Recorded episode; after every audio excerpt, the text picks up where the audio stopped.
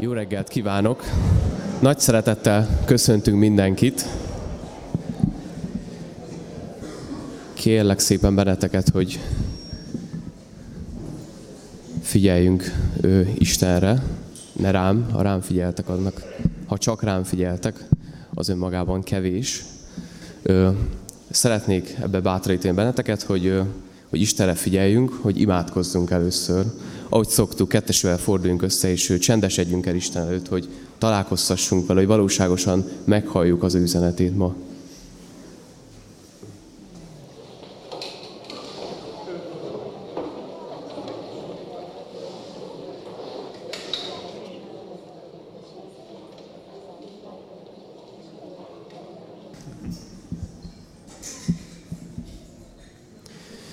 Virágvasárnapot is ünnepelünk. Érdekes ez az ünnep, ahogy így nézegettem, vagy így gondolkoztam, hogy a Bibliában hogy is van ez a dolog, hogy bemegy Jézus, nagy éjenző tömeg, aztán Jézus rendet tesz eléggé határozott fellépéssel a templomba, aztán a kereszt halála. Hát ez lehet a tanítványnak elég sokkoló, hogy vártak egy királyt, aki politikailag rendbe teszi az országot, aztán kicsit másképp alakultak a dolgok. Az volt az üzenet számomra ebből, hogy beengedjük Jézus királyként, de aztán ő rendet tesz, és aztán ő bármit csinál, és lehet olyan dolgokra hív, olyan dolgok történnek, amire nem számítunk, vagy ami esetleg nekünk kényelmetlen.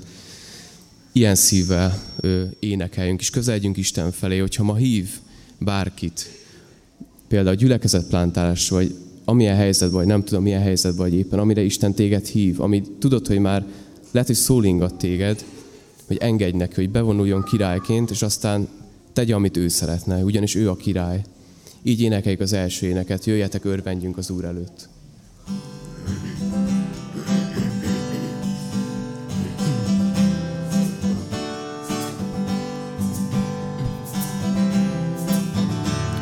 Álljunk föl hozzá.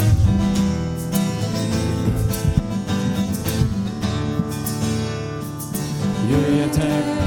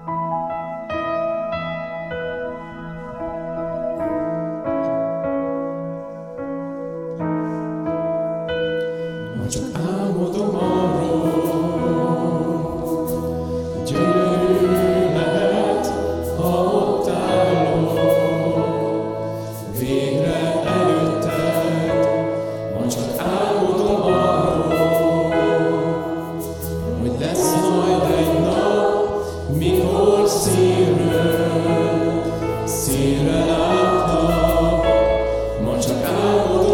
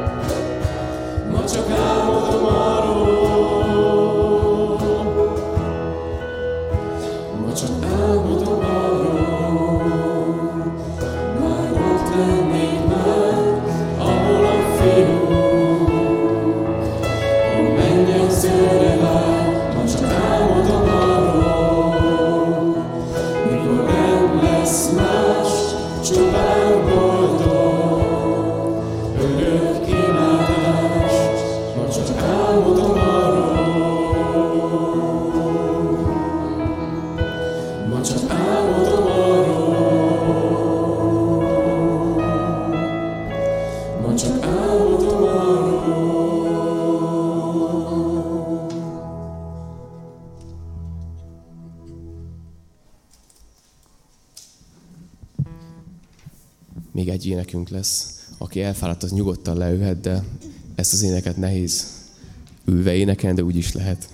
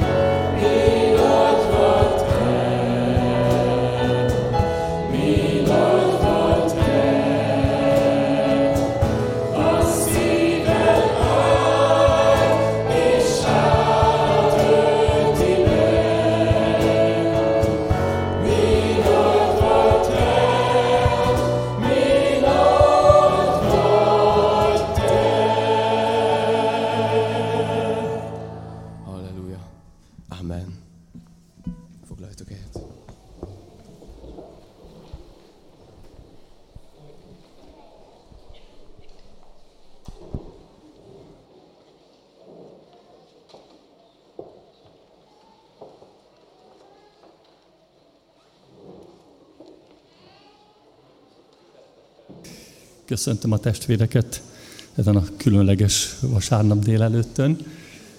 Köszöntöm azokat, akik itt lehetnek a teremben. Köszöntöm azokat is, akik az interneten követik a Isten tiszteletet. Külön szeretettel köszöntöm azokat, akik először vannak közöttünk, vagy ritkán tudnak eljönni, de Isten lehetővé tette számukra, hogy itt lehetnek. És nagyon nagy szeretettel köszöntöm dr. Kovács Géza testvért és feleségét Ildikót, akik ma közöttünk fognak szolgálni. Sámuel köszöntését is szeretném átadni. Nagyváradon szolgál egy evangelizációs hétvégén, péntek, szombat, vasárnap van ez a hétvége. Nem szoktam észrevenni a világ szépségét, vagy kevésbé, mint mások, de hogy itt álltam, nem tudtam nem észrevenni a virágvasárnapi csokrot, hogy Isten ilyet tud teremteni, és ehhez kapcsolódóan szeretném felolvasni a kiscsoportos igényket, ami különlegesen szólt a számomra, és hiszem, hogy mindannyiunk számára szól. Az Úr Jézus, a, amikor elindult a nagy hétre, a főpapi imájában így szólt a tanítványaihoz. Kijelentettem a te nevedet az embereknek, akiket nekem adtál a világból. A tiéd voltak, és nekem adtad őket, és ők megtartották a te igédet. János 17-ből olvastam a hatodik verset, olvasom a kilencediket. Én őértük könyörgök, nem a világért könyörgök, hanem azokért, akiket nem, nekem adtál, mert a tiéd. És még a 20. vers is, de nem értük könyörgök csupán, hanem azokért is, akik ő szavukra hisznek én bennem, hogy minnyájan egyek legyenek. Először vettem észre életemben, hogy ebben az igében az egyik fordítás szerint nyolcszor, a másikban hatszor fordul elő az, hogy akiket nekem adtál, az, enyé, az enyéim. Isten az Úr Jézusnak adott bennünket. Mi az övéi vagyunk. És ő, akkor is az övé vagy, ha, ha még nem tudod. De milyen nagy kegyelem tudni azt, hogy a, az övéi vagyunk. És ez a vasárnap arról is szól, hogy nem csak azokért könyörgött az Úr Jézus, akik az övéi, hanem akik a beszédünkre hisznek majd ő benne. És Géza testvért erre kértük, hogy, hogy a gyülekezet plántálás, ami tulajdonképpen arról szól, hogy továbbadjuk, és higgyenek ő benne.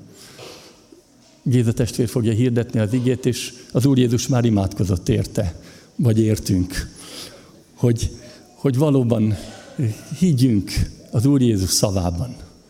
És arról is szól az ige, hogy egyek legyenek. A vasárnap, ez a vasárnap arról is szól, hogy meghallgatjuk az igét, és utána együtt fogunk ebédelni. Ez is az egységért van. Éljünk ezzel a lehetőséggel is.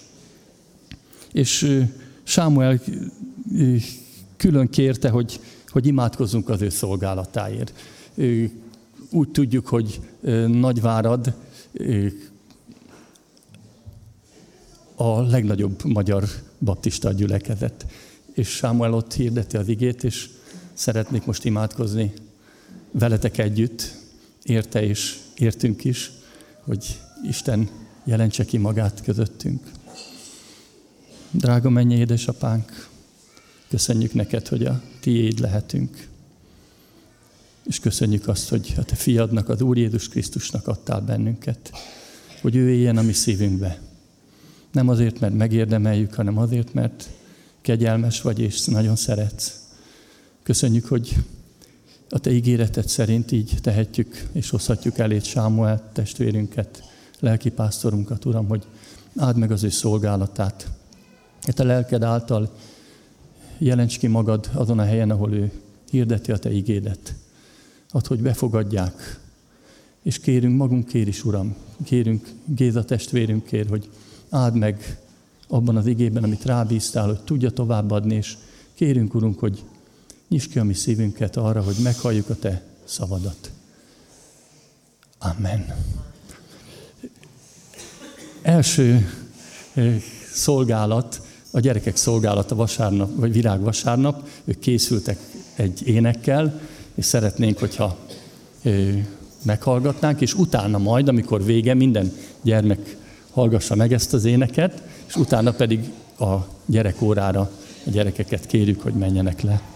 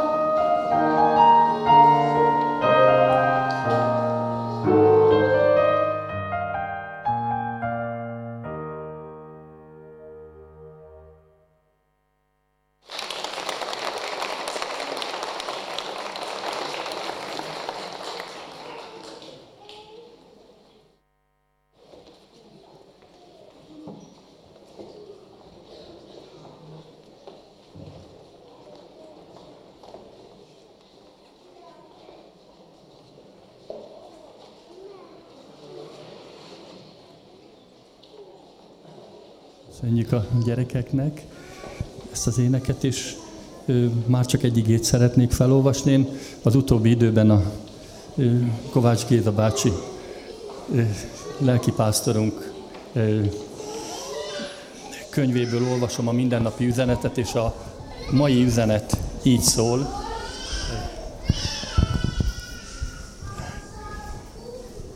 Géza bácsi, Jeremiás proféta is, hiszem, hogy Isten által is Géza testvérnek.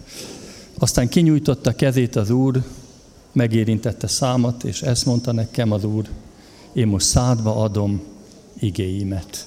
Jeremiás 1, 9. Kérem Géza testvért, hogy hirdesse köztünk az igét.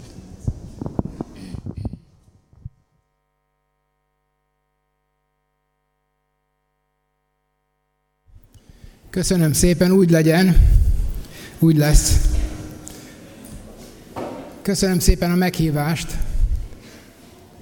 Megtisztelő számomra, hogy itt lehetek köztetek.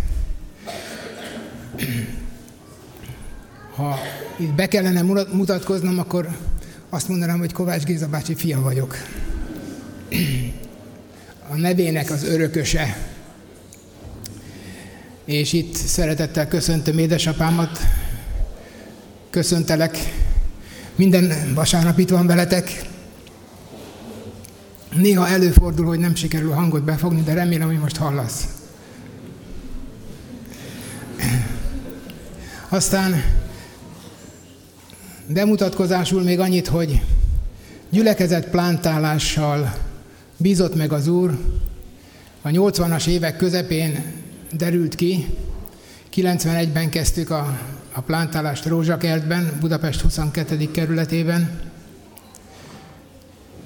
Feleségemmel és még két másik házaspárral, tehát hatan. Egyébként most is hatan vagyunk itt a, a plántáló csapatból, csak most Tatár Szentgyörgyről, és van két Szentgyörgyi testvér is itt köztünk. Egy pillanatra, itt vagytok bent, akkor álljatok fel, hogy lehessen látni, hogy kik jöttetek vele, velünk. Ildikó is. Köszönöm. Ebből kiderül, hogy most már nem Rózsakertben szolgálunk, hanem Tatár-Szentgyörgyön, ami közelebb van Kecskeméthez egyébként, és ilyen szempontból is alkalmas ez a nap arra, hogy esetleg valamilyen közös szolgálatba is belekezdjünk veletek.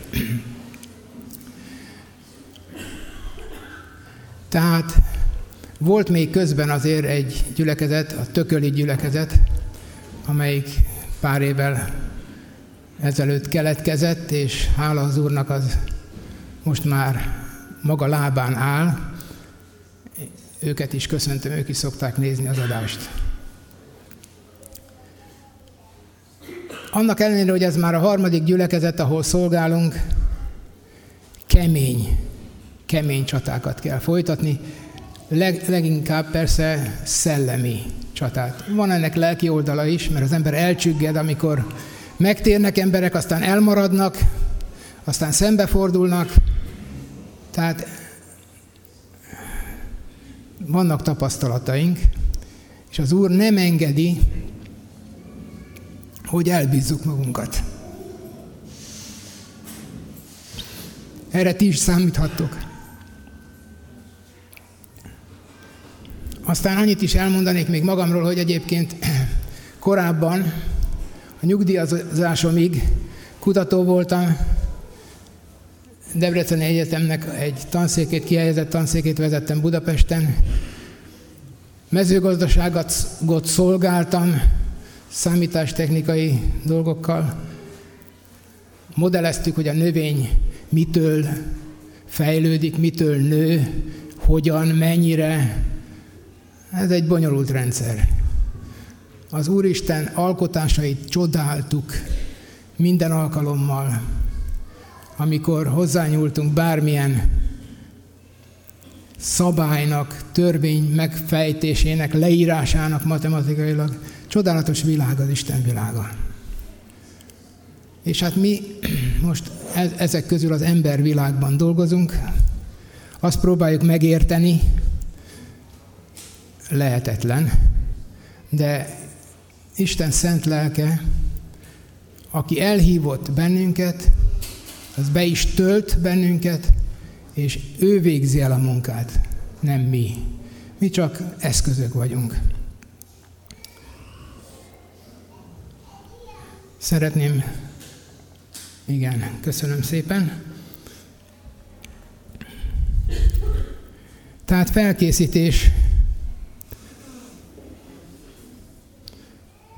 valahogy nem tökéletes.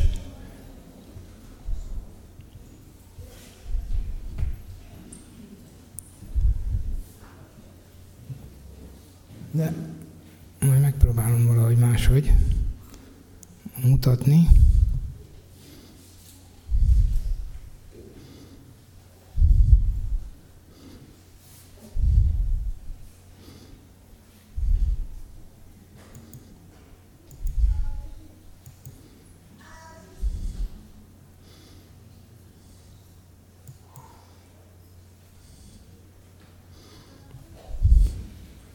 Talán kiegyenesedik. Köszönöm szépen a türelmeteket.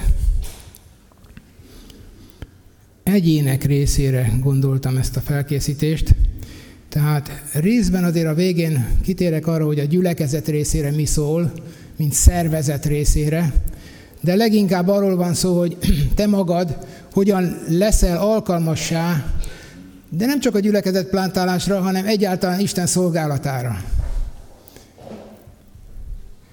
Isten készít fel. Tehát ugyan én azt mondom, hogy most ez egy felkészítő alkalom, de nem én készítelek fel benneteket, hanem a jó Isten.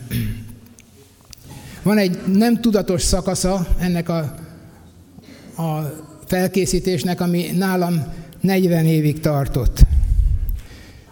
40 éves voltam, amikor felismertem, hogy minden, de minden, amit addig csináltam, tanultam, láttam, az mind arról szól, hogy Isten készített engem arra, hogy gyülekezet plántoló legyek. Akkor még Magyarországon egyet se ismertem ilyet, de úgy vezetett az Úristen, hogy kénytelen voltam ezzel szembenézni, hogy ez, ez, az, ez a mi utunk. Majd mindjárt kitérek rá egy kicsit részletesebben. 44 éves voltam, amikor elkezdtük. Egy év után, az első évben, amikor 41 évesek voltunk, akkor próbálkoztunk. A gyülekezet azt mondta, hogy nem, nem, azt nem lehet, hogy ti elmenjetek, te vagy a Budafoki Baptista gyülekezetben voltunk, te vagy a gyülekezet vezető, hát itt mi, mi történik, hogyha elmégy? Aztán furcsán, Isten útja, meghívtak Amerikába két évre együtt dolgozni egy hívő professzor hívott meg, aki pont abba, azzal foglalkozott, ami engem legjobban érdekelt a szakmában. Ez a modellezés, a számítógépes modellezés. Gyülekezetben elmondtam, hogy el tudok menni a családommal. Menjél, testvér, menjél. Hát mondom, hogy, hogy? Hát az előbb még azt mondtátok, hogy összeomlik a gyülekezet, ha mi elmegyünk innen. Na, én ezt nem akarom kommentálni, ez így történt. Elmentünk két évre. Az Isten kiragadott engem a gyülekezetből, ahol megszámoltuk, 24 féle szolgálat volt, ilyen gyülekezeti szolgálat, abból 16-ban részt vettem. És hát nem tudom biztosan, hogy, hogy kellett-e, de a jó hívőnek, énekkari tagnak kellett lenni. Hát ismeritek ez. De ti lehet, hogy már nem ismeritek, ez régen volt. Aztán visszajöttünk, és egy évig csapatot építettünk, aztán hat évig alapoztuk a gyülekezetet. Hú, nehéz volt. Feleségem két év után azt mondta, hogy menjünk vissza Budafokra. De nem mentünk. Hála Istennek. Aztán jött az aranykor. Többiről most nem beszélnék, mert nem ez a fel, felkérés. Az Isten engem úgy hozott világosságra, hogy ezt az igét adta nekem, és itt most az élet igéimet fogom veletek megosztani. Tehát ma lényegében néhány életigét hoztam. Ezek azok, amelyek ilyen mérföldkövek voltak az életemben, ameddig mentem valamilyen irányba, és aztán megváltoztam, vagy, vagy máshogy mentem tovább. És hogyha valakinek ez szól, vagy Isten szól, azáltal, hogy engem hogyan vezetett, vagy felismeritek, hogy titeket is így vezetett, dicsőség az Úrnak. Ha pedig valaki arra jön rá, hogy itt van az ideje a lépésnek, akkor, akkor legyetek nyitottak befogadni az igét. Ha pedig a világosságban járunk, ahogyan ő maga a világosságban van, akkor közösségünk van egymással, és Jézusnak, az ő fiának vére megtisztít minket minden bűntől. Ha megvalljuk bűneinket, hű és igaz, ő megbocsátja bűneinket, és megtisztít minket minden gonoszságtól.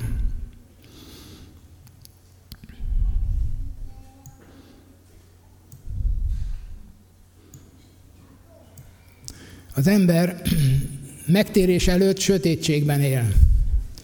Nem csak az a kevés bűnöző, hanem a jó emberek is. Sőt, a vallásos emberek is sötétségben élnek, szellemi értelemben. Krisztus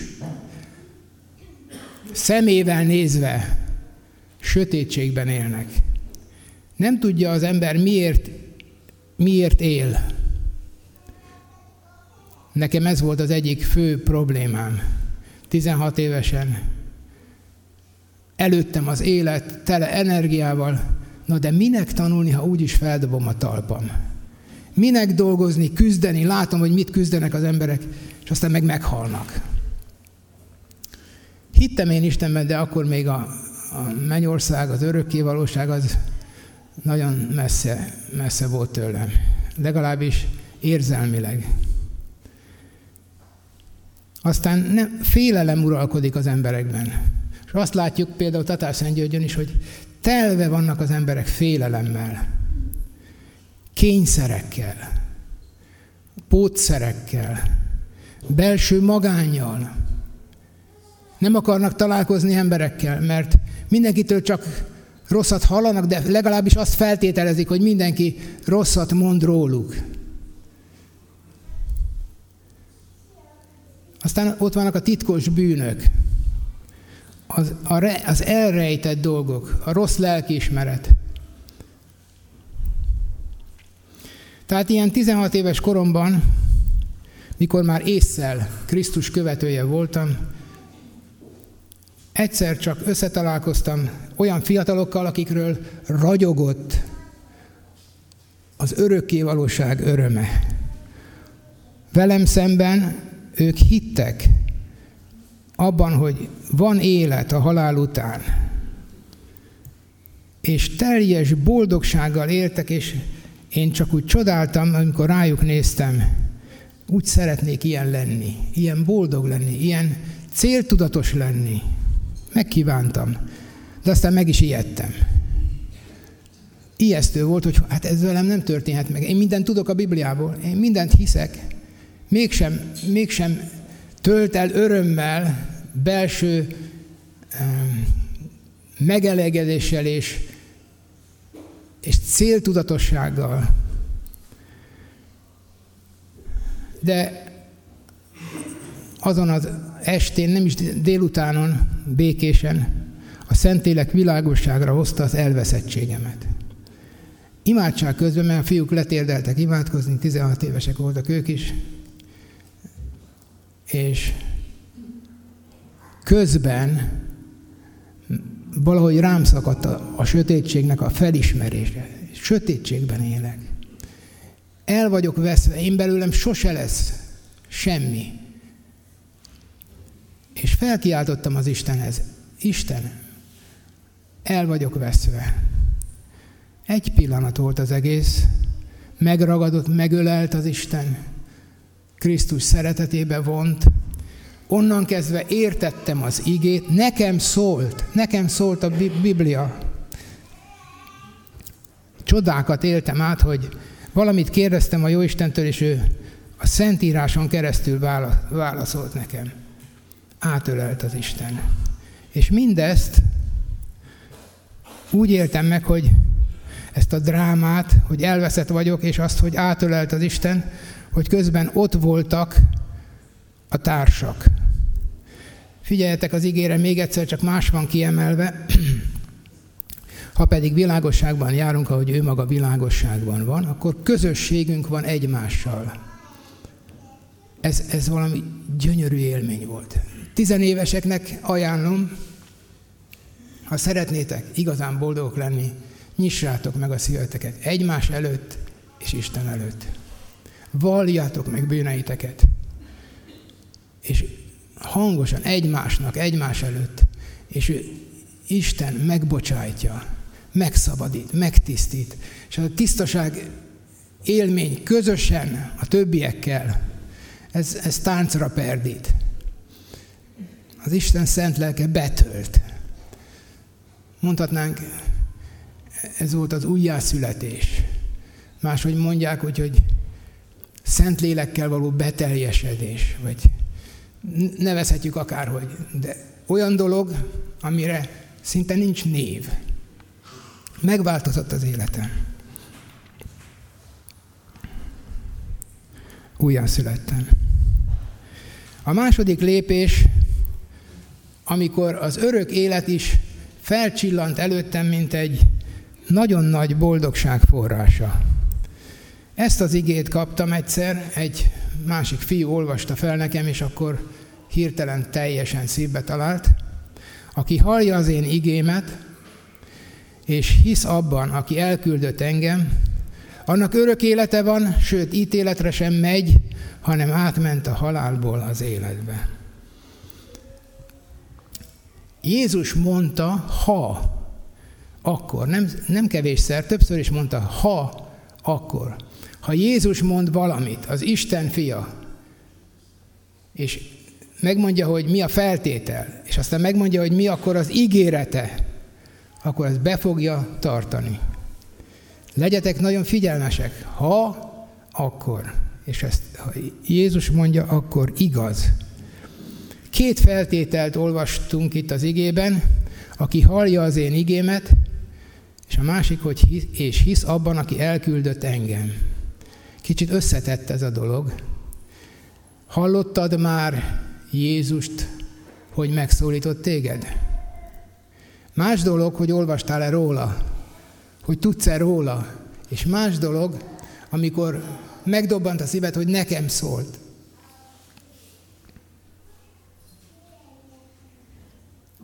Édesapámat meglátogatta a héten egy asszony, aki 54 évvel ezelőtt Újpesten először volt gyülekezetben. Az ajtónál édesapám, ahogy szokta itt is, köszöntötte a vendégeket, akik már búcsúztatta őket. Ez az asszony is odaszól, azt mondja, honnan ismer engem? Nem mondom, még nem láttam, úgyhogy még nem ismerem. Tehát rólam beszélt végig. Azt mondja, akkor ne siessen, még beszélnünk kell. Megszólította őt az Isten. Ez kegyelem. Ezt nem tudjuk előidézni, de azért a lelkünket fel tudjuk arra ajánlani az Istennek, hogy Istenem, ha akarsz, akkor megnyithatsz engem. Én most kész vagyok. Jézus azt mondja, az ajtó előtt állok és zörgetek, és aki hallja a hangomat és megnyitja az ajtót, bemegyek ahhoz. És belevacsorázok, és ő jöjjön velem. Nem tör rád, de azért tehetsz valamit. A kilincs, nyisd meg. Tehát aki hallja az én igémet, és hisz abban, aki elküldött engem. Ki küldte Jézust? Az Isten. Hiszed-e, hogy Jézus Krisztus Isten fia, isteni természetű és emberi természetű lény, aki idejött a földre, meghalt értünk, feltámadt, és most a mennyben van, az Atya Isten jobbján, és jön vissza, és ítélni fog eleveneket és holtakat. Tehát ebben a Jézusban hiszel-e? Azt mondja, hiszel-e abban az atyában, aki őt elküldte? Tehát ez egy ilyen komplex hit, aki őt elküldte. Igen. Megkérdezte tőlem ez a srác. Hallottad Jézus hangját? Igen, persze. Megszólított. Hiszed, hogy ő az Isten fia? Igen. Akkor olvas tovább. Annak örök élete van. És itt megálltunk, és azt mondja, hogy van. Nem lesz, hanem van. Annak örök élete van. Ne legyetek bizonytalanok. Ez az üdvbizonyosság igéje. Aki ez a, akinél ez a két feltétel teljesült, annak örök élete van. Ez a jelen idő, sőt ítéletre sem megy. A jövő időben, amikor majd Isten elé állnak mindazok, akiket feltámaszt az Isten, akkorra már a hívők, a szentek elragadtatunk, és a, az Krisztus jobbján leszünk, tehát mi már az ítéletre sem megyünk. Halleluja! És miért van ez egész? Mert a múltban már átmentél a halálból az életbe. Élsz. Nekem nagyon jelentős volt, felszabadító volt, biztonság örömét jelentette. Azt mondja, tudjátok, mit jelent a biztonság, ugye? Férjetekre gondoltak, hogy megvéd, vigyáz rám, eltart, megért, biztonságban érzed magad. Az örök élet biztonsága még ennél is nagyobb. Nem tehet senki semmit.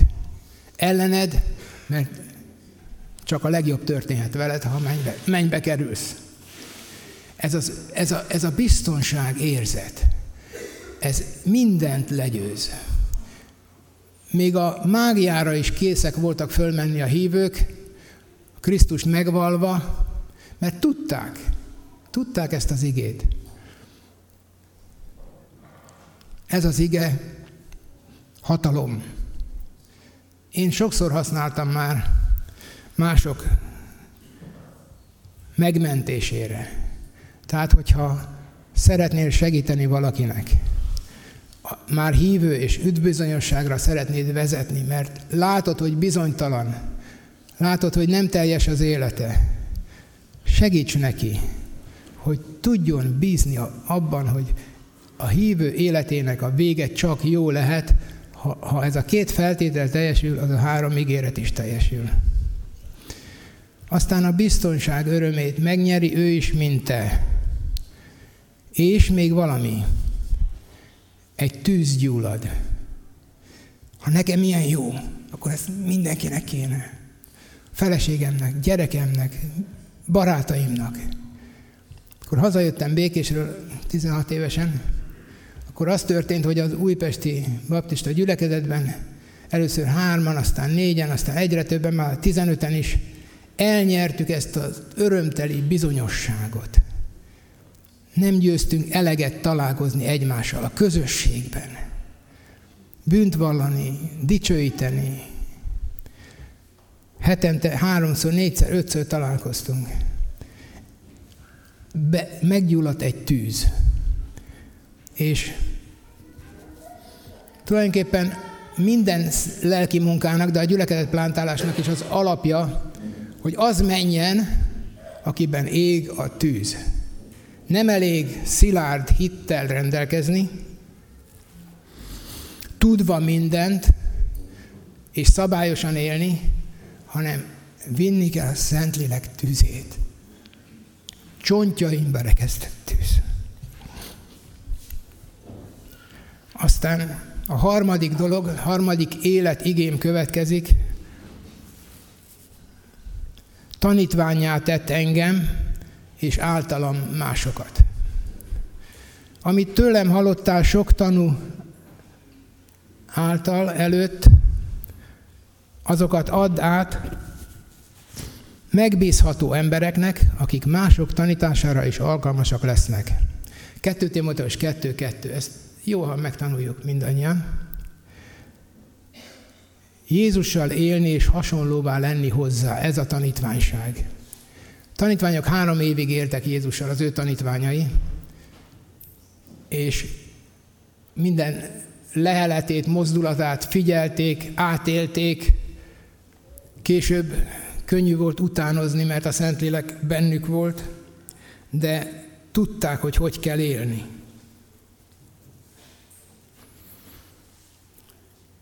Egyszer, 80-as évek elején meglátogattak engem különleges társaság, The Navigators. Akkor még nem tudtam, mert titkos volt ebben az időben. Csak úgy esténként sutyomba jöttek, misszionárisok voltak, és erről beszéltek folyamatosan, a tanítványságról. De nem csak beszéltek, hanem élték is. Éppen építkeztünk, és oda költözött egy fiú, nagy csendesen, és segített építkezni két hétig. Csodálkoztam. Amerikába eljön azért, hogy nekem segítsen építkezni. Aztán tanítottak. Tanítottak arra például, hogy hogy tartsam a csendessé időmet az Úrral. Akkor tanultam meg, hogy minden nap szakítsak időt reggel, legjobb korán reggel, elolvasni az igét, gondolkozni róla, imádkozni a, a szerint, elvenni az aznapi üzenetet, feltöltekezni az Istennel. Úgy annyira komolyan vették, hogy ezt írnom kellett meg. Szóval, mint egy kis diák, pedig ők voltak a fiatalabbak, mint én, de hát én voltam a tanítvány. Aztán előírták nekem, hogy legyenek tanítványaim.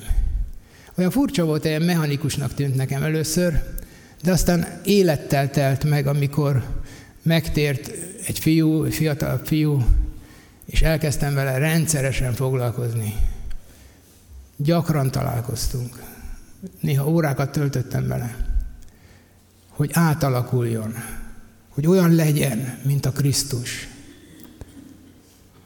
Előbb-utóbb oda vezetett ez a dolog, hogy felvállaltam, hogy igen, én nem Krisztus vagyok, de én is mestere vagyok tanítványoknak. És aztán kezdtem ezt kérni a gyülekezettől Budafokon. Vállaljátok fel, legyünk tanítványozóká vagy mesterekké azok részére, akik már hívők, de még nem élik ezt a Krisztussal lenni állandóan életet. És a következő következménye volt ennek, hogy a földi életemet célokkal tölti meg, ami neked is maga a boldogság, hogyha át tudod adni másoknak azt, ami neked jó.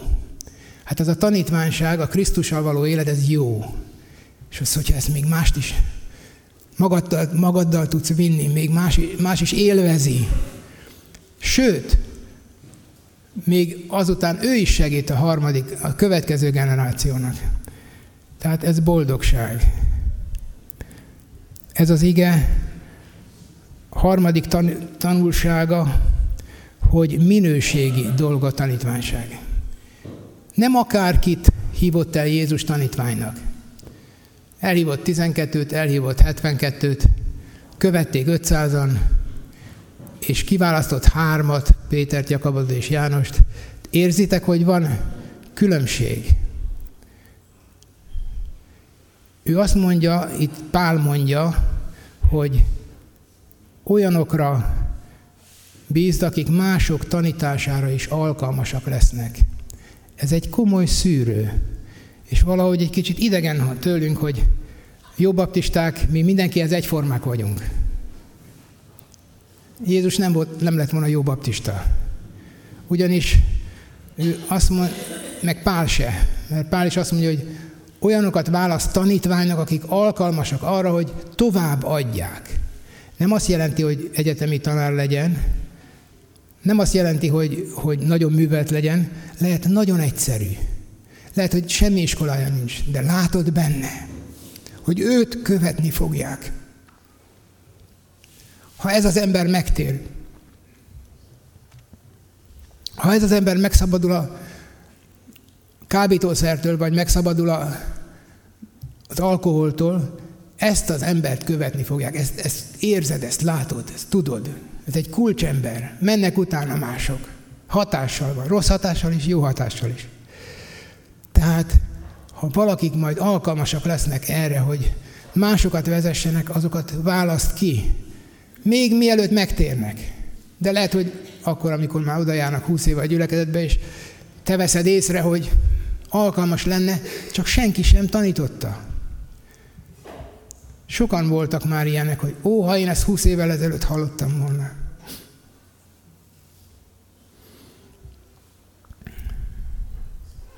De ugyanakkor erre azt gondolhatnánk, hogy de hát ez nagyon le limitálja azt, hogy kihez szólhatunk, akkor kevés, kevés lesz a tanítvány.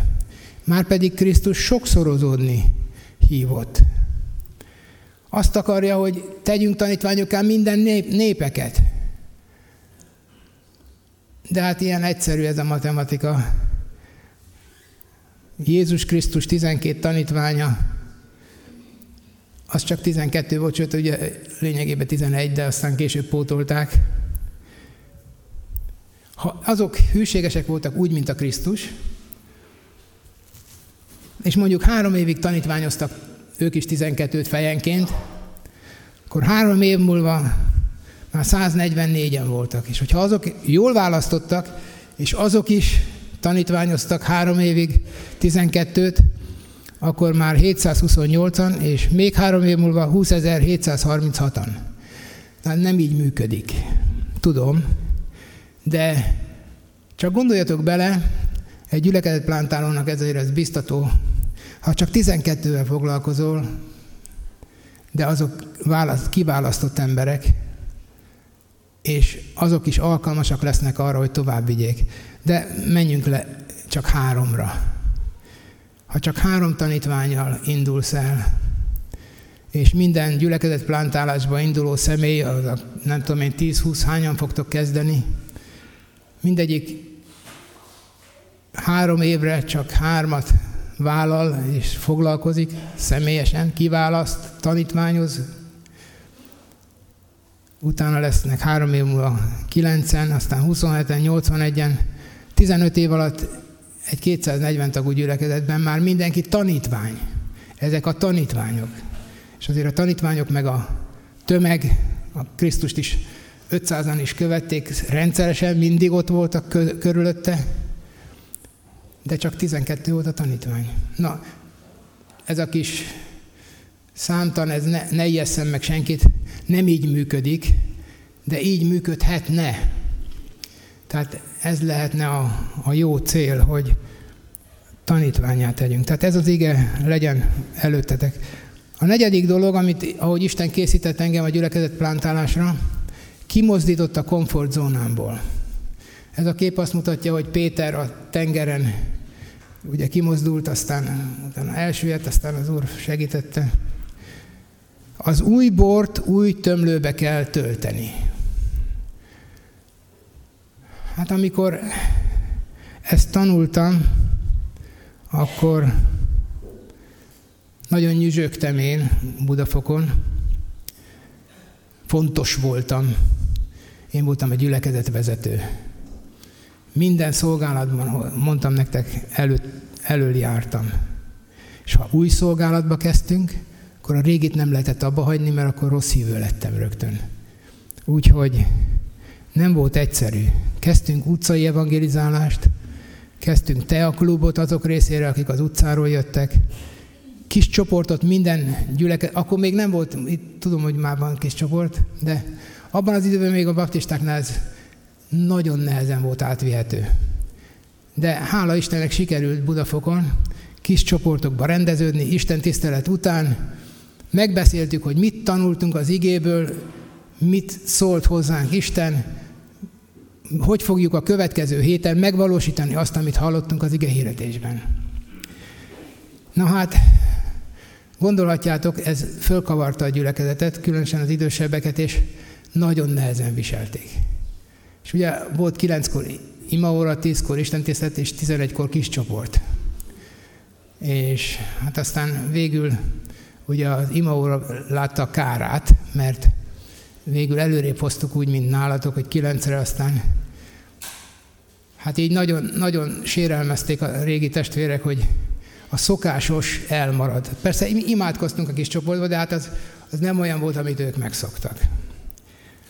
Aztán egy jó hívő akkor még énekkari tag volt, és nekem is rossz fülem van, már gyenge hangom, de hát benne kellett lenni, mert én voltam az ifjúságvezető is, és hát milyen dolog az, hogyha nincs valaki az énekkarban. Az már hűtlenség.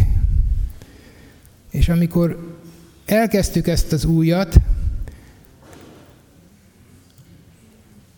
és egyre több konfliktus született ebből,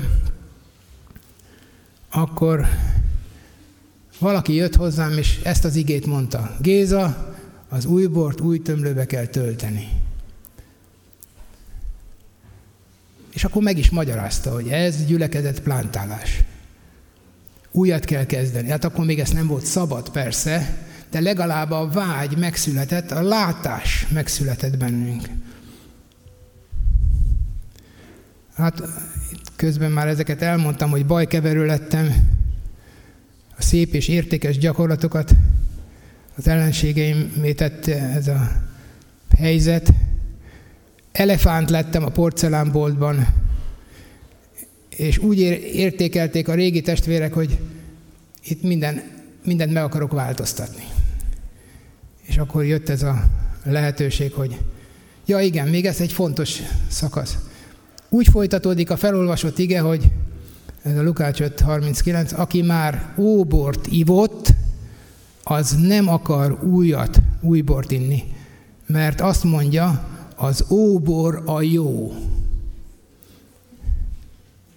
Na és erre hívta fel a figyelmemet egy drága testvérem, hogy testvér, ne vedd már el az óbort azoktól, akik azt szeretik. Az új bor az forr, az nincs letisztulva, az szétszakítja a régi tömlőt, legjobb lenne elmennél innen és kezdenél egy újat. Hát ez furcsa volt, de Isten akarta így. Csak akkor még hirtelen nem lehetett a 80-as években, mert tilos volt új gyülekezetet kezdeni államilag. Az ötödik pont, hogy tanított engem megszólítani az elveszetteket. Tehát ahogy az engem, ez a hat, hat pontból az ötödik, ahogy készített Isten arra, hogy alkalmas legyek a gyülekezet plántálásra. És titeket is akar készíteni arra, hogy alkalmasak legyetek. Ehhez meg kell szólítani az elveszett embereket. És ez az ige, egy finn ember járt itt, ez is a The Navigators-hez tartozott, egy srác, és ezt az igét magyarázta nekem ilyen tanítványozási alkalmon. Aki titeket befogad, az engem fogad be. És aki engem fogad be, az azt fogadja be, aki engem elküldött, tehát az atyát. Magyarul Géza, próbálj megbarátkozni valakivel.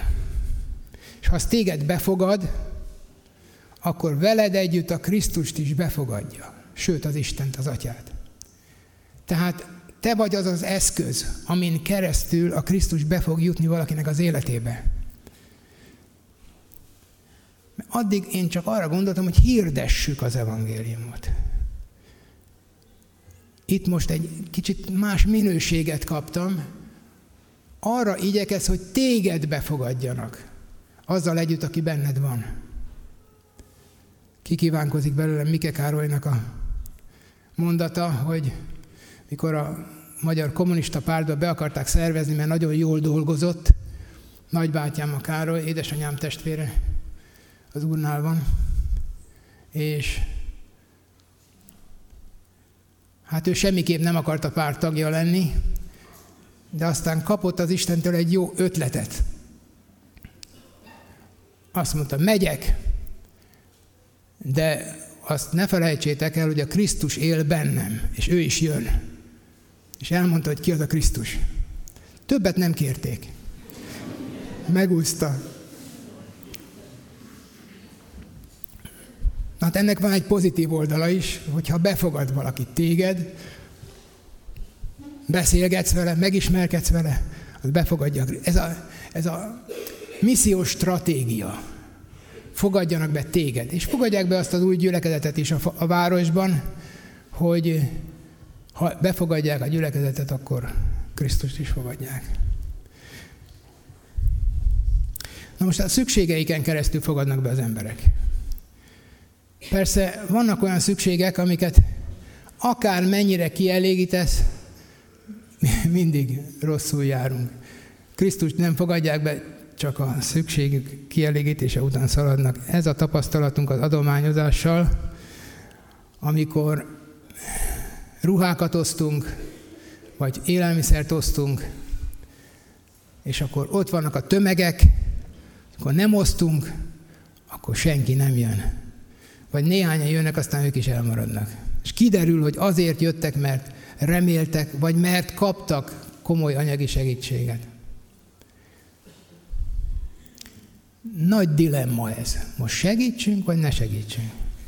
Mi arra jutottunk, most ez egy megoldási javaslat, hogy például a családsegítőn keresztül segítünk, amelyik nem egy hívő szervezet, hanem a helyi falusi családsegítő, vagy más szervezeteken keresztül lehet segíteni, lehet velük együttműködni, de ha teljesen összekötjük az evangéliumot ezekkel az adományokkal, általában nem működik. Eddig még hát nem, nem sok jót hallottam erről a módszerről, hogyha arról beszélünk, hogy az elveszetteket hogy lehet megnyerni. A lelki szükségek, köze, szükségek közelítése a cél. Tehát ilyen lelki szükségük van az embereknek, hogy közösségre van szükségük. Béké, lelki békére, szeretetre.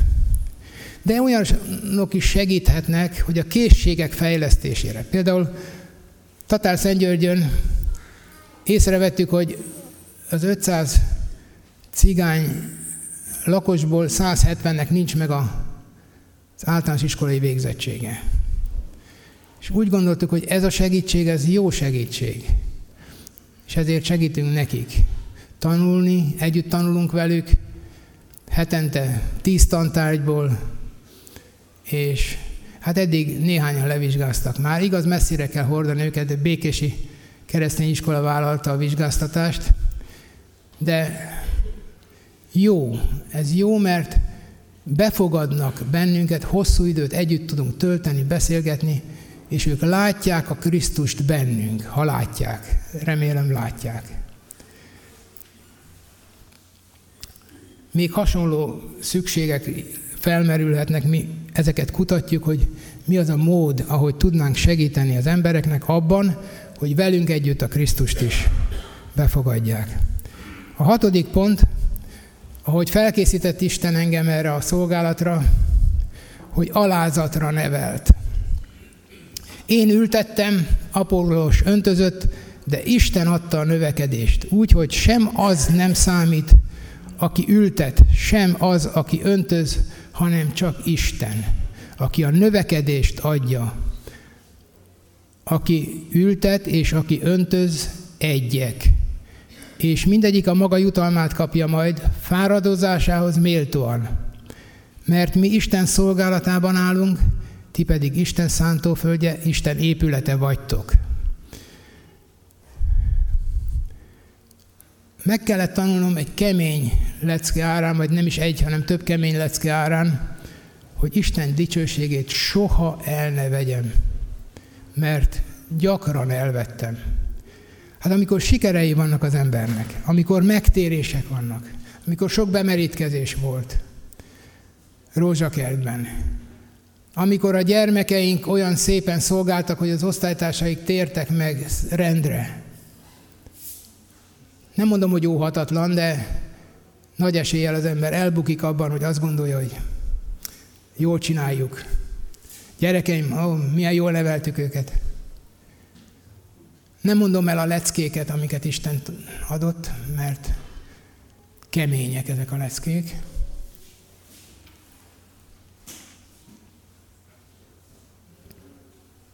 Isten dicsőségét soha, soha ne vegyétek el. Összefoglalóul, ha végre elveszettnek látod magad, gyere ki a fényre, és boldog közösséged lesz az Istennel és az emberekkel. Ha hallod őt, hiszed, hogy Isten fia, akkor örök életed van. Nem mész az ítéletre, hanem már átmentél a halálból az életbe. Vállald a tanítvány életét, és válasz tanítványokat. Örökítsd a tanítványi géneket. Negyedik, mert merjél kimozdulni a komfortzónádból. Itt nagyon komfortos Kecskeméten. a gyülekezetben. Egy új helyen nem ígérem, hogy olyan komfortos lesz. Rózsakertben két évet vártunk. Igaz, hogy kevesen kezdtük.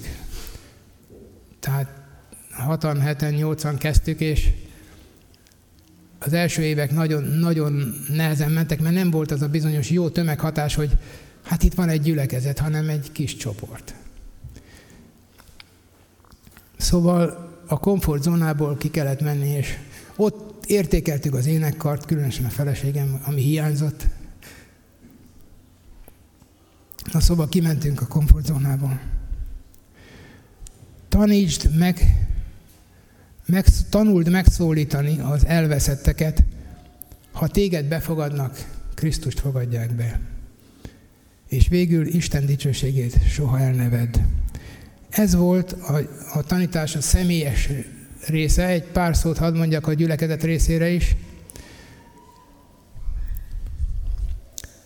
Nem csak sabl, nincsenek sablonok, csak alapelvek vannak. Tehát itt, itt maradunk majd délután beszélgetni a gyülekezet plántálásról azokkal, akik különösen érdeklődtök, és fogjátok látni, hogy nincs, nincs olyan mintázat, ami biztosan követhető, és akkor ez és ez fog történni. Szentileg fog vezetni, meg attól függ nagy mértékben, milyen az éjség a vidéken. Nem tudom Kecskeméten milyen az éjség, de országosan nagyon kicsi. Az emberek anyagilag meg vannak elégedve, meg még többre akarnak jutni, és nem érde, megvannak az Istennéki, köszönjük szépen, hogy nem könnyű a talaj jelenleg. Az új gyülekezet vezető csapata adjon elég időt a felkészülés kezdetéig. Ne induljatok el nagyon hamar. Én itt azt írtam, hogy legalább 52-szer találkozatok mielőtt elkezditek az új gyülekezetet. Ez azt jelenti, hogy heti egyszer egy évig. Ez, ez, ez betartható. A vezető legyen az első az egyenlők között. Legyen vezető, legyen elfogadva a vezető, de ő tekintse teljesen egyenlőnek magát azokkal a csapattagokkal, akikkel együtt megy. Tanítványozzátok az új gyülekezet, ja, tanulmányozzátok az új gyülekezeteknek, a meglévő új gyülekezeteknek az alapokmányait. Nagyon érdekeseket fogtok látni. Aztán fogalmazzátok meg a közös értékeiteket, amit a csapat igazán értéknek tart. Ha ezek nagyon szétszórnak, nehéz lesz együttműködni. Tehát dolgozni kell rajta. Egyezzetek meg a látásban, hogy most itt vagyunk, és hova szeretnénk, mikorra szeretnénk hova eljutni. És a küldetésben fogalmazzátok meg a küldetés nyilatkozatot. Ez és ez a küldetés ennek az új közösségnek. Legyen benne a döntéshozatal mechanizmusa, a konfliktuskezelés. Ezeket mind előre át kell gondolni, mielőtt beleindultak. És van még egy, egy ábrám, vagy nem ábrám, egy slide, amit kivetitek. Régi bor új tömlőbe? Erről eddig nem volt szó. Másképpen így is lehet fogalmazni, az újnak más milyennek kell lennie, mint a régi volt? vagy csak copy, paste, tehát amilyen ez a gyülekezet, olyan legyen a következő. Mert ez egy jó gyülekezet. Miért ne, miért ne lenne ugyanilyen? Hát az anyának, apának van egy gyereke, az miért ne hasonlítson az apjára, anyjára?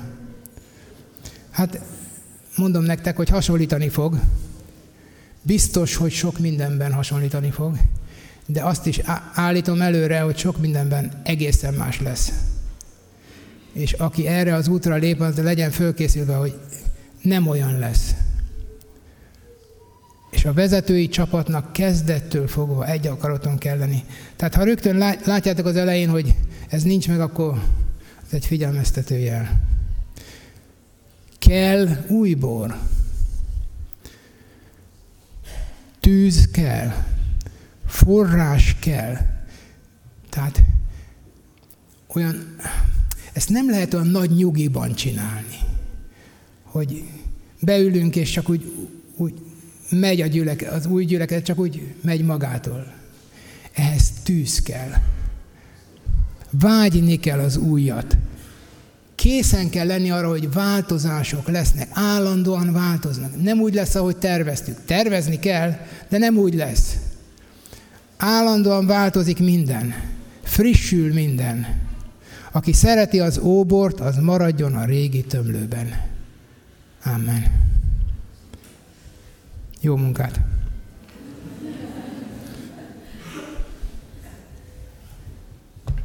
Menjei atyánk, használd ezt az ige hirdetést akaratod szerint, legyen a te dicsőségedre. És ha valakinek változásra van szüksége, hozd el még most ezt a változást. Hogy szólítson meg valakit, és kérjen segítséget. És jöjjön a világosságra, vagy kezdjen, el a, kezdjen bele a tanítványozásba. Jézus, te tudod, hogy kit hogy akarsz előkészíteni, ebben sincs sablon. De kérünk, hogy mielőtt ez a gyülekezet egy újat szül, tedd alkalmassá ezt a magzatot arra, hogy amikor elkezdik az új szolgálatot az új helyen, készen legyenek, erősek legyenek, egységesek legyenek. Az Úr Jézus nevében. Amen.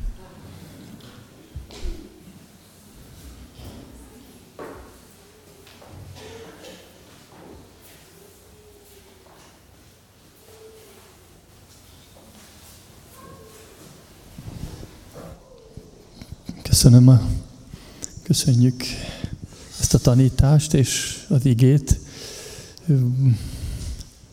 Bár a gyülekezet plántálásról hallottunk, mégis az Úr Jézusról hallottunk.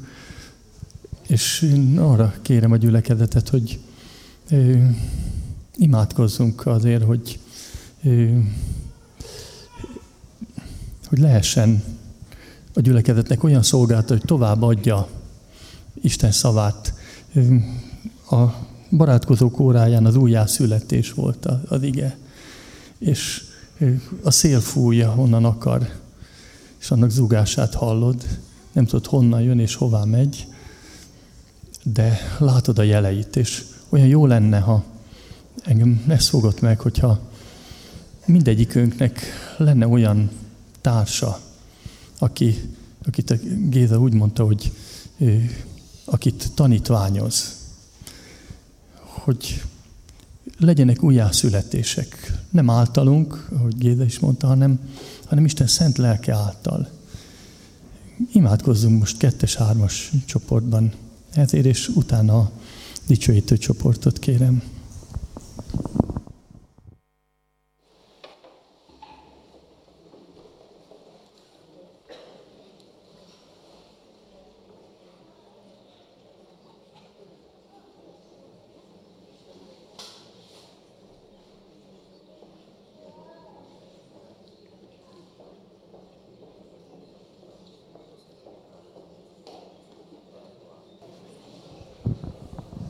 Szeretném megszólítani most a vendégeinket, a Tatár Györgyi csapatot, hogyha van közöttük, mint frissen plántált gyülekezetből bizonyságtevő, a szeretettel meghallgatjuk.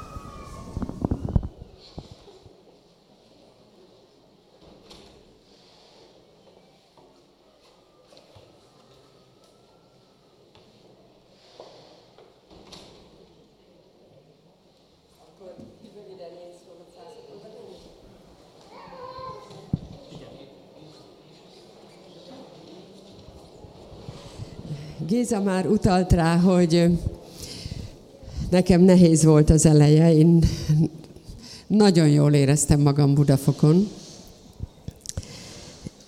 És ő meg olyan tényleg tüzesen, lelkesen ment, hát én feleségként követtem. Én nem kaptam elhívást, csak arra, hogy a férjemet kövessem.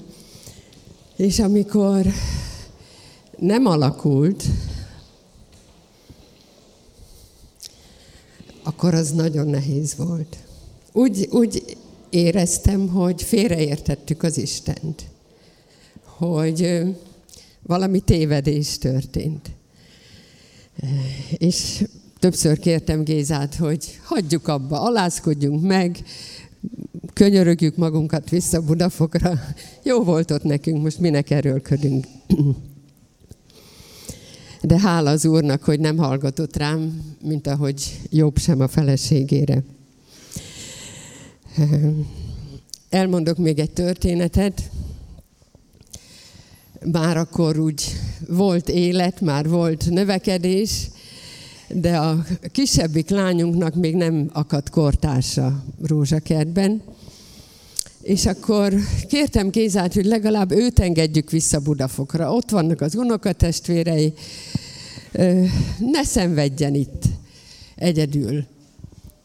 Ő jóval fiatalabb, mint a nővére meg a bátyja. És azt mondta Géza, hogy várjunk még egy kicsit. És az úr olyan csodát tett, hogy az osztálytársai közül kezdtek megtérni. És amikor ez úgy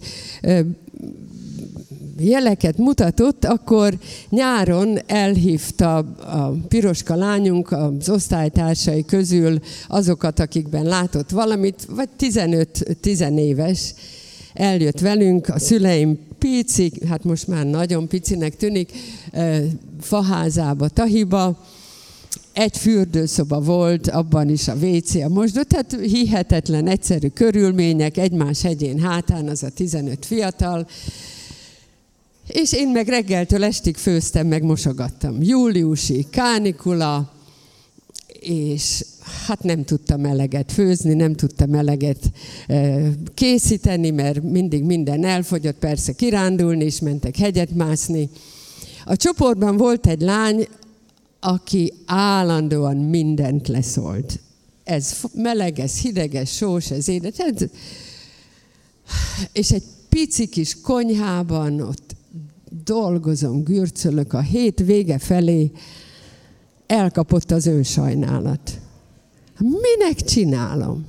Hát kik ezek nekem? Hát még csak nem is a rokonaim, és, és csak nem is hálásak. Mit gyötröm itt magam? És hát ebben úgy otthon vagyok, amikor elkezdem sajnálni magam. Végül befejeződött a hét, sok ige, minden. Oh, mehetünk haza. Pár nap múlva elkövetkezett az, amit nagyon vágytam. Két éjszaka, három nap Gézával kettesben a Mátrában. Wow. Eljött az én idő most, ki leszek szolgálva, pihenek. Oh, megérkeztünk, és az ebéd előtt még tettünk egy sétát, ragyogó napsütés, minden ideális, csak kettesben, wow, nagyszerű. Leülünk egy fahídra, élvezzük a természetet, mindent, amit az Isten teremtett. Egyszer csak megszólal a férjem, és azt mondja, hogy Ildikom, hogy vagyunk mi mostanában azzal az igével, hogy aki én utánam akar jönni, tagadja meg magát, vegye fel a keresztjét, és úgy kövessen engem.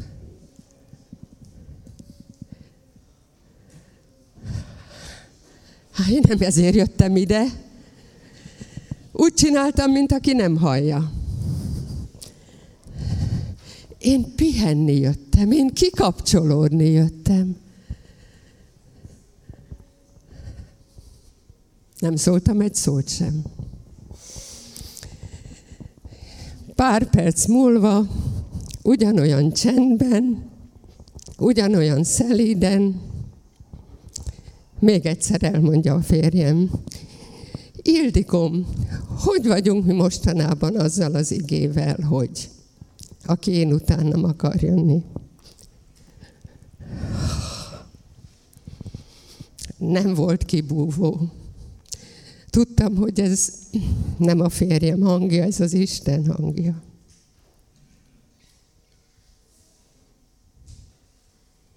Na, ettől lett szép az a következő három nap. Krisztus követése tanítványozás, új gyülekezet. Testvéreim, hogy vagyunk mostanában azzal az igével, hogy aki én utánam akar jönni?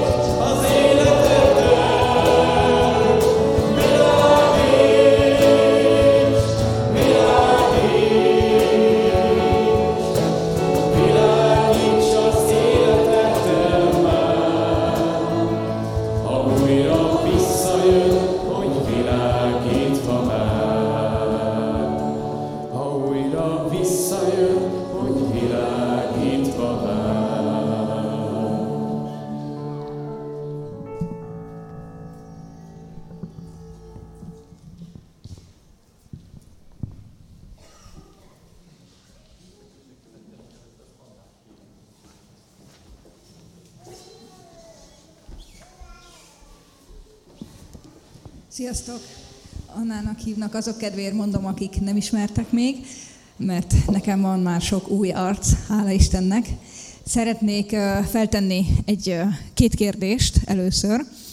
Az egyik kérdésem az, hogy éreztétek-e már azt, hogy magányosak vagytok? Ki az, aki azt érezte már, vagy szoktátok érezni, hogy magányosak vagytok?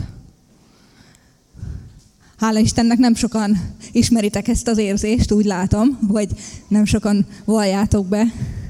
És ki az, aki szokta érezni azt, hogy olyan sokat kapott az Úr Jézustól, hogy túlcsordul a szíved, és örömöd van, és esetleg ez a túlcsordulás, ez szívesen valaki másnak is továbbadnád. Hála Istennek. Lehet ebből több is volt. És ez az ének, ami volt itt, nagyon tetszett nekem, világíts az életeddel, és ezzel kapcsolatban szeretnélek, szeretnélek buzdítani benneteket, egy lehetőségről szeretnék szólni. Egy rövid videót, hogyha Attila tud bejátszani. A videóhoz csak annyit, hogy ez egy kínai, ez készülhetett volna itt Kecskeméten, vagy készülhetett volna Budapesten, én Budapesten élek, akárhol. Tehát ez ne nézzétek, nem számít, hogy ez pont egy kínai kis videó, csak ez kapcsolódik ahhoz, amiről beszélek, és utána még mondok egy pár szót.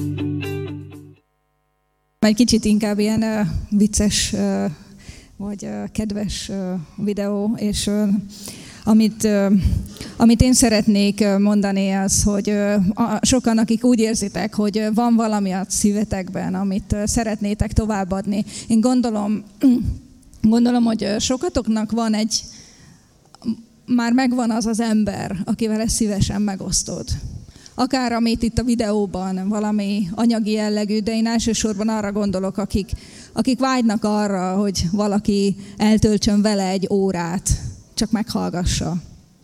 Vagy ha Isten ennél többre indít téged, akkor lehet. Ha van egy héten vagy egy hónapban egy órád, amit szívesen odaadnál valaki másnak. Nekem van egy álmom, hogy mindenkinek lenne egy embere. Én azt tudom a gyülekezetben, sok mindenkinek van egy embere, akinek te tudsz adni az idődből, esetleg a pénzedből, vagy ebből a fürt banánból, az is egy nagyon kedves dolog. Csak azért, hogy valahogy könnyebbé tegyük egymás életét. De ha nincs neked még, akkor arra szeretnélek bátorítani, vagy a Ficsorottót, vagy a Bimbó Gábort, vagy engem keressetek meg, és szívesen bátorítunk, vagy összekapcsolunk benneteket olyanokkal, akik, akiknek ez öröm és áldás lesz. Pont az, hogy te mész el hozzá őt meglátogatni, bátorítani, vele együtt imádkozni, esetleg elkíséred valahova, ahova ő magától nem tudna elmenni. Engem e-mailen tudtok elérni, mert én Pesten lakom, viszont a kedves testvéreimet itt is meg lehet találni, és köszönöm szépen a figyelmet.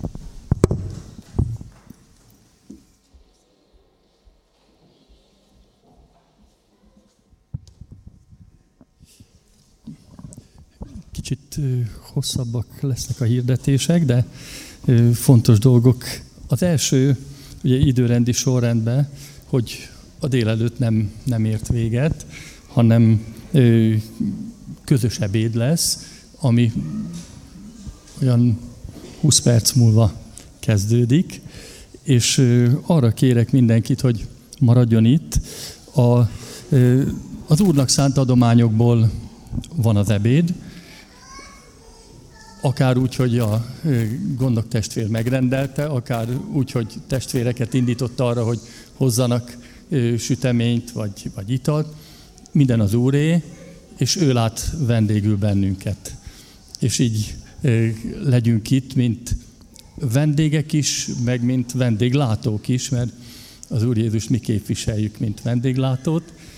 Így legyünk most együtt az a kérésem, és ugye otthon is az Úrtól van az ebéd, itt is, és arról nem is beszélve, hogy mi magunk is az Úréi vagyunk. És így kérem a testvéreket, hogy legyenek itt. Én azt gondolom, hogy ön háromnegyed egykor, addig lehetünk így közösségben együtt, akkor kezdenénk a délutáni beszélgetést, az ebéd utáni beszélgetést a Gézával és Ildikóval a gyülekezet plántálásról. Minél többen jöjjünk és beszélgessünk, akik érzik különösen, hogy Isten feladatot adott abban, hogy továbbadják valamilyen módon a, azt, amit kaptak, és amit ma délelőtt hallgattunk. Beszélgessünk erről. A következő hirdetés majd kérek segítséget is egyes részeknél, de az első az, hogy ma van az utolsó nap a regisztrációra, a vertikális gyülekezet konferenciára, hogy május 10 és 11-én.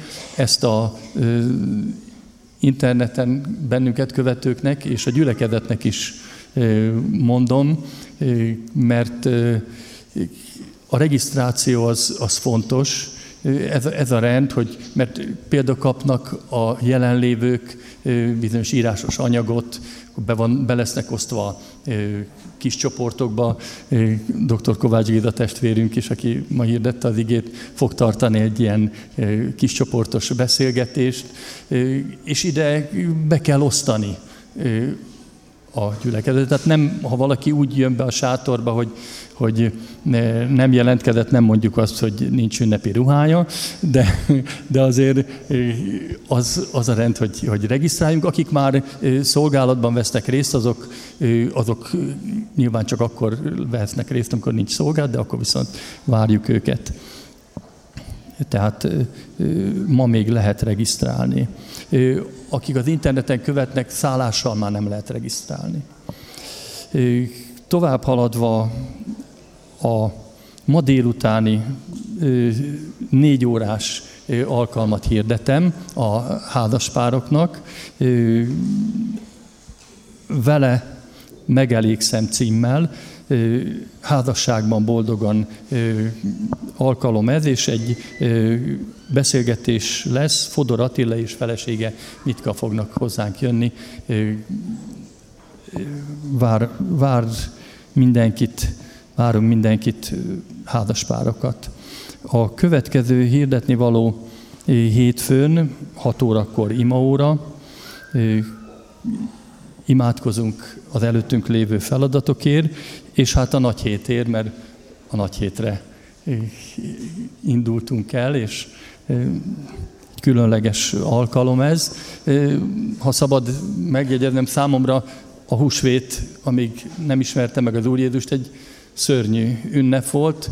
A nagypéntekettől hát vissza kellett, írtóztam, mert egy szörnyű halál, egy kivégzés, nem akartam hallani róla. A vasárnap, a feltámadás, azt meg nem hittem. Így, így csak egy rossz ünnep lehet. Viszont ha úgy indulunk el, hogy nagypéntek, ami bűneinktől való szabadulás, és az Úr Jézus vére alá menekülés lehetősége, a vasárnap pedig, ahogy hallottuk is Gédától, az örök élet, és egy új élet, bejárás, reménysége, lehetősége és valósága is, akkor, akkor fontos lesz számunkra ez a hétfői nap is, hogy, hogy induljunk úgy ezen a héten, hogy azt a csodálatos ajándékot, amit kaptunk, tudjuk továbbadni. Alkalom ez, ez a hét arra, hogy másoknak is bizonyságot tegyünk. Kedden 7 órakor a harcosok klubja van, és lesz. Itt a férfiakat várjuk. A házi csoportok a szokásos rendben lesznek megtartva egészen péntekig, amikor a barátkozók órája most kivételesen nem lesz, mert a nagypénteki istentisztelet este 6 órakor lesz itt a imaházban. Sámuel lelkipásztor testvérünk hirdeti az igét. Vasárnapot is hirdetném, mához egy hétre kilenckor itt találkozunk, a húsvéti feltámadási istentiszteletünk lesz, gyermekbemutatás is lesz, a Sebestyén család hozza el legkisebb gyermekét, hálásak vagyunk érte. Ugye a feltámadás az ugye egyben a, összekötni azzal, hogy Isten életet is adott, és örök életet, a bemutatott gyermeknek örök élete van, és hiszük, hogy, hogy az Úrnál minél hamarabb megtalálja, és ezért is hozzá a család az ő legkisebb gyermekét. 26-án pénteken szeretett vacsora lesz, május 10-11-én a vertikális konferencia, erről már szóltam a mai utolsó lehetőségről, illetve május 12-én családi nap. A honlapon egy nagyon szép plakát van, ha ki tudják vetíteni a testvérek, azt megköszönöm, de Adélnak viszont átadnám a szót, sőt, látom, hogy a kezében ez a szép plakát is ott van.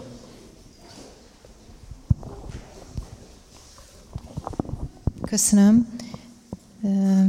Szeretném én is ezt a május 12-ét még hirdetni nektek. Készítettünk ilyen picike meghívókat, amit oda ki fogok tenni, és akkor szabadon vihettek belőle azoknak a családoknak, akiket szeretnétek elhívni erre a családi vasárnapra, illetve készítettünk egy-két ilyen nagyobb plakátot, amit szintén majd oda kiteszek, és abból is tudtok vinni szeretném mondani, hogy még mindig van lehetőség arra, hogy szeretettel hívjatok olyan családokat, akik a közeletekben, a közeli ismerőseitek, barátaitok, osztálytárs vagy ovis anyukák, apukák, családok, és akiknél úgy érzitek, hogy Isten már ott kopogtat esetleg az ő szívükben, és ők megnyitnák azt, és ez az alkalom lenne az akkor, amikor egy közös játékkal egybekötött nagy családi napon várnánk szeretettel. Hívjatok, hívogassatok családokat.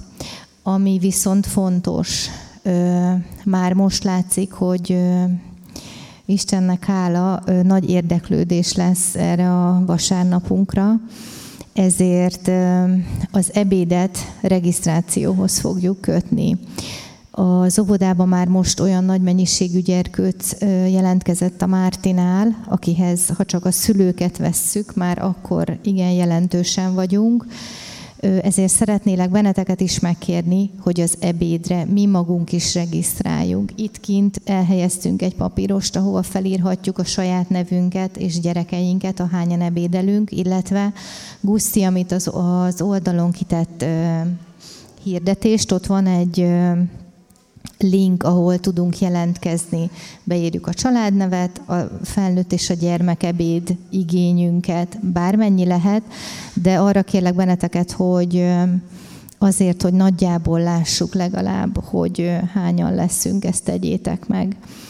És még bátorítalak benneteket arra is, hogy még mindig van szolgálatra lehetőség, aki szeretne ezen a családi alkalmon szolgálni, hogy Krisztus szeretetét tükrözvén lássák rajtunk, hogy kik vagyunk mi, kik vagyunk mi a baptisták.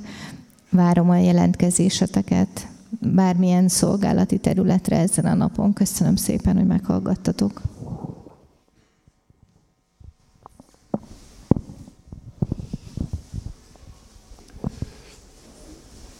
Az én hirdetésem elfogyott, de ha valakinek van még kijelenteni valója, hirdetni valója, hozzátenni valója Laci vertikális gyülekedettel kapcsolatban, vagy esetleg mással. Ha nincs, akkor záró éneket fogunk énekelni. Előtte szeretném még hirdetni, hogy a jövő vasárnapi gyűjtés a vertikális gyülekedet költségeire fog történni. A mai gyűjtés senki számára nem kötelező, aki szeretné ezzel is magasztalni az Urat, lehetőség van erre.